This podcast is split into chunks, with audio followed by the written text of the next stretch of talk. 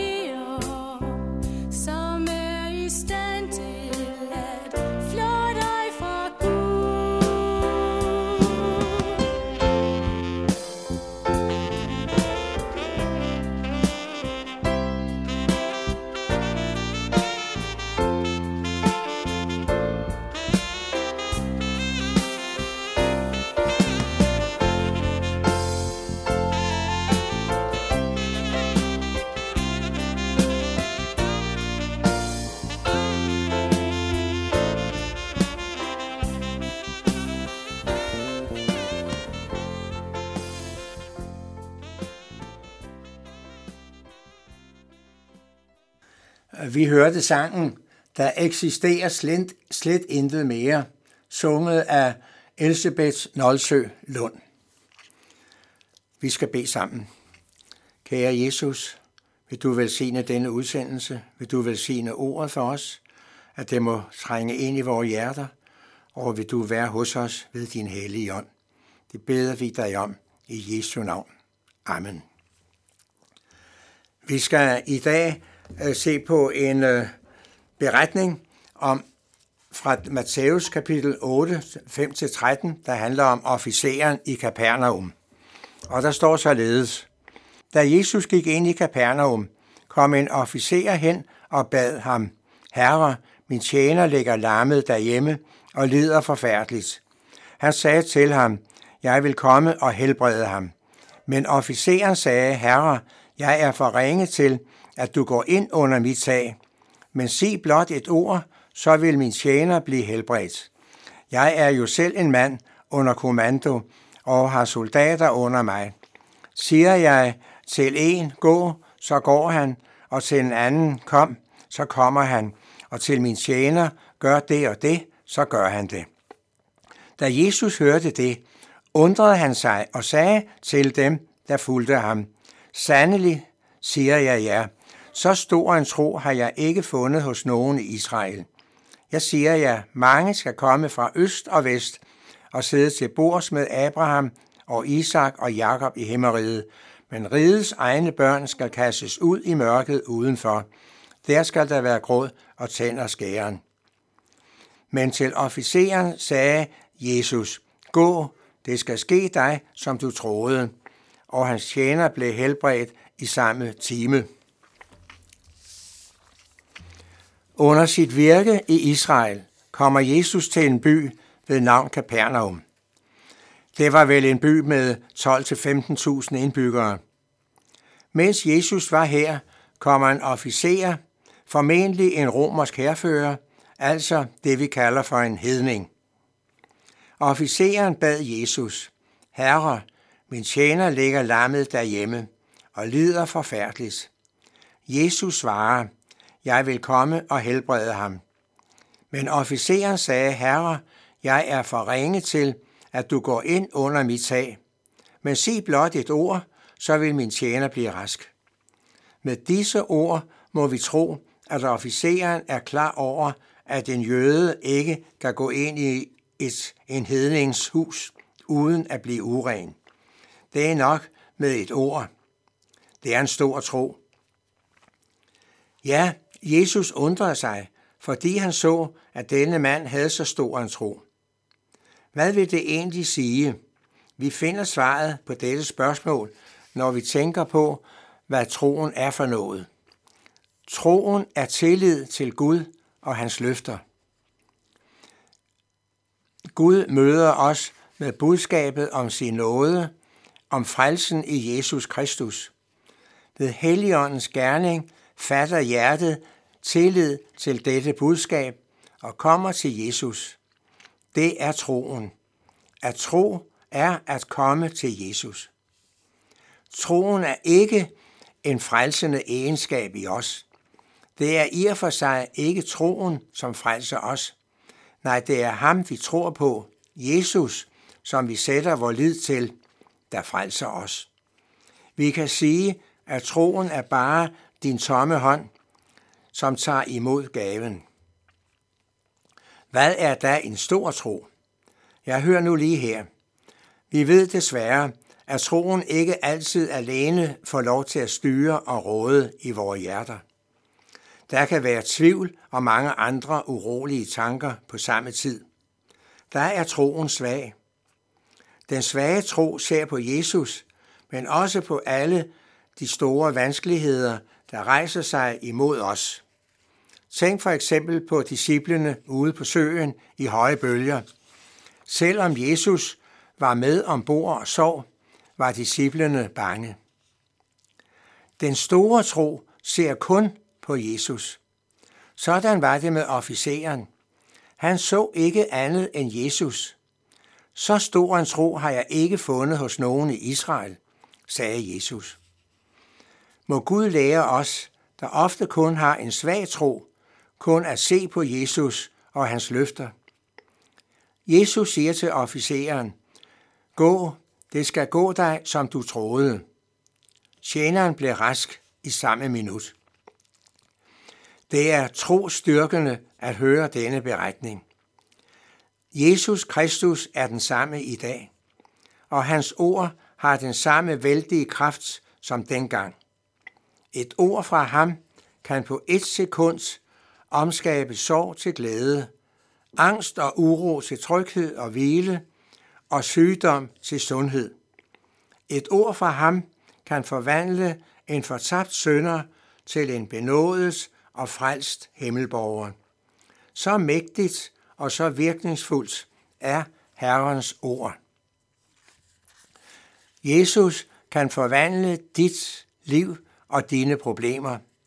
Han kan hjælpe dig i en hvilken som helst situation, blot ved at sige et ord. Vis ham tillid. Giv ham ære. Jesus siger inden afskedet med officeren, man skal komme fra øst og vest og sidde til bords med Abraham og Isak og Jakob i himmeriget. Ja, Der bliver stor glæde, når Guds børn kommer hjem. Når englene har samlet os fra alle verdenshjørner, så skal vi sidde til bords med Abraham, Isak og Jakob. Det bliver skønt at møde dem hjemme hos Gud. En videre skal vi møde alle vores kære og kristne brødre, som levede i troen på Jesus. Ikke en eneste af dem vil mangle på den store dag. Det bliver rigtig skønt. Tænk allerede nu, mens vi lever her på jorden, kender vi glæden over det hellige samfund. Vores bedste stunder har vi, når vi er sammen i kirke og missionshus for at lytte til Guds ord, synge lovsange og modtage nadveren.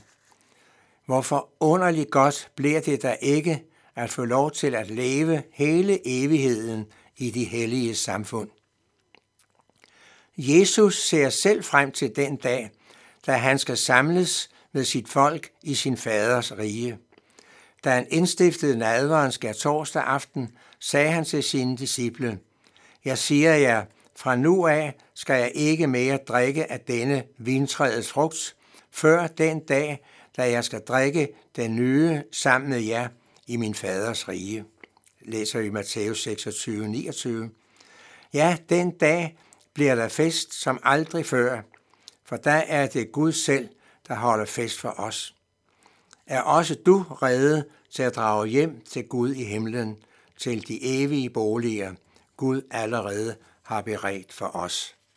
Amen. Kære Jesus, vil du hjælpe os til, at vi må være redde, redde hver morgen, redde hver aften, til at drage hjem til dig, når du kalder på os. Det beder vi dig om i Jesu navn. Amen. Vi skal nu høre sangen O Jesus, åbne du mit øje, sunget af Lise Petersen.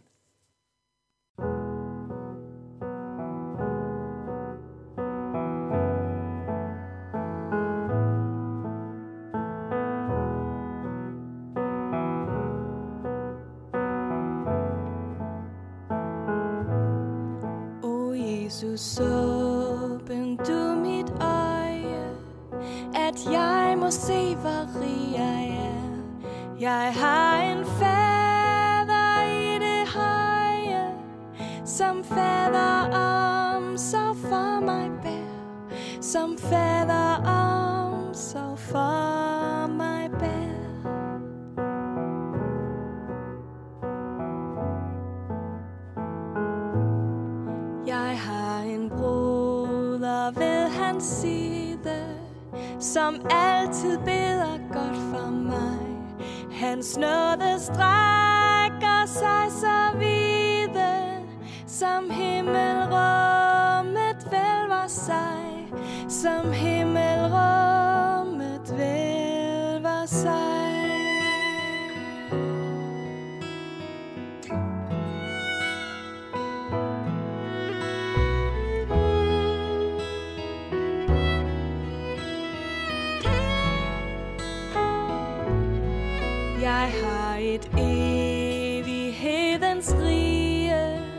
hvis grundvold aldrig bæve kan. Jeg har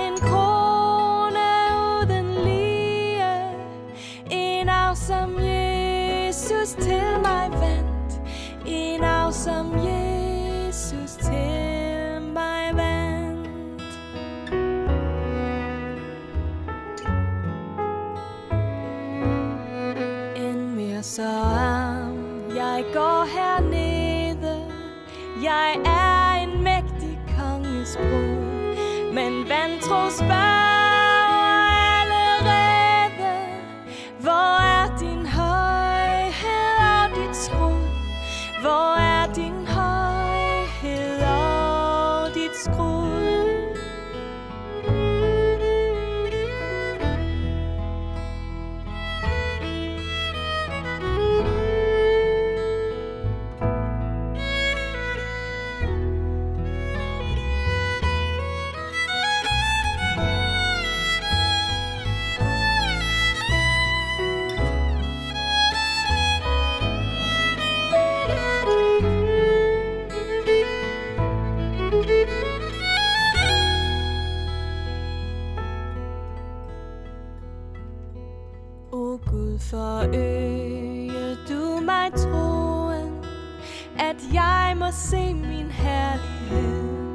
Og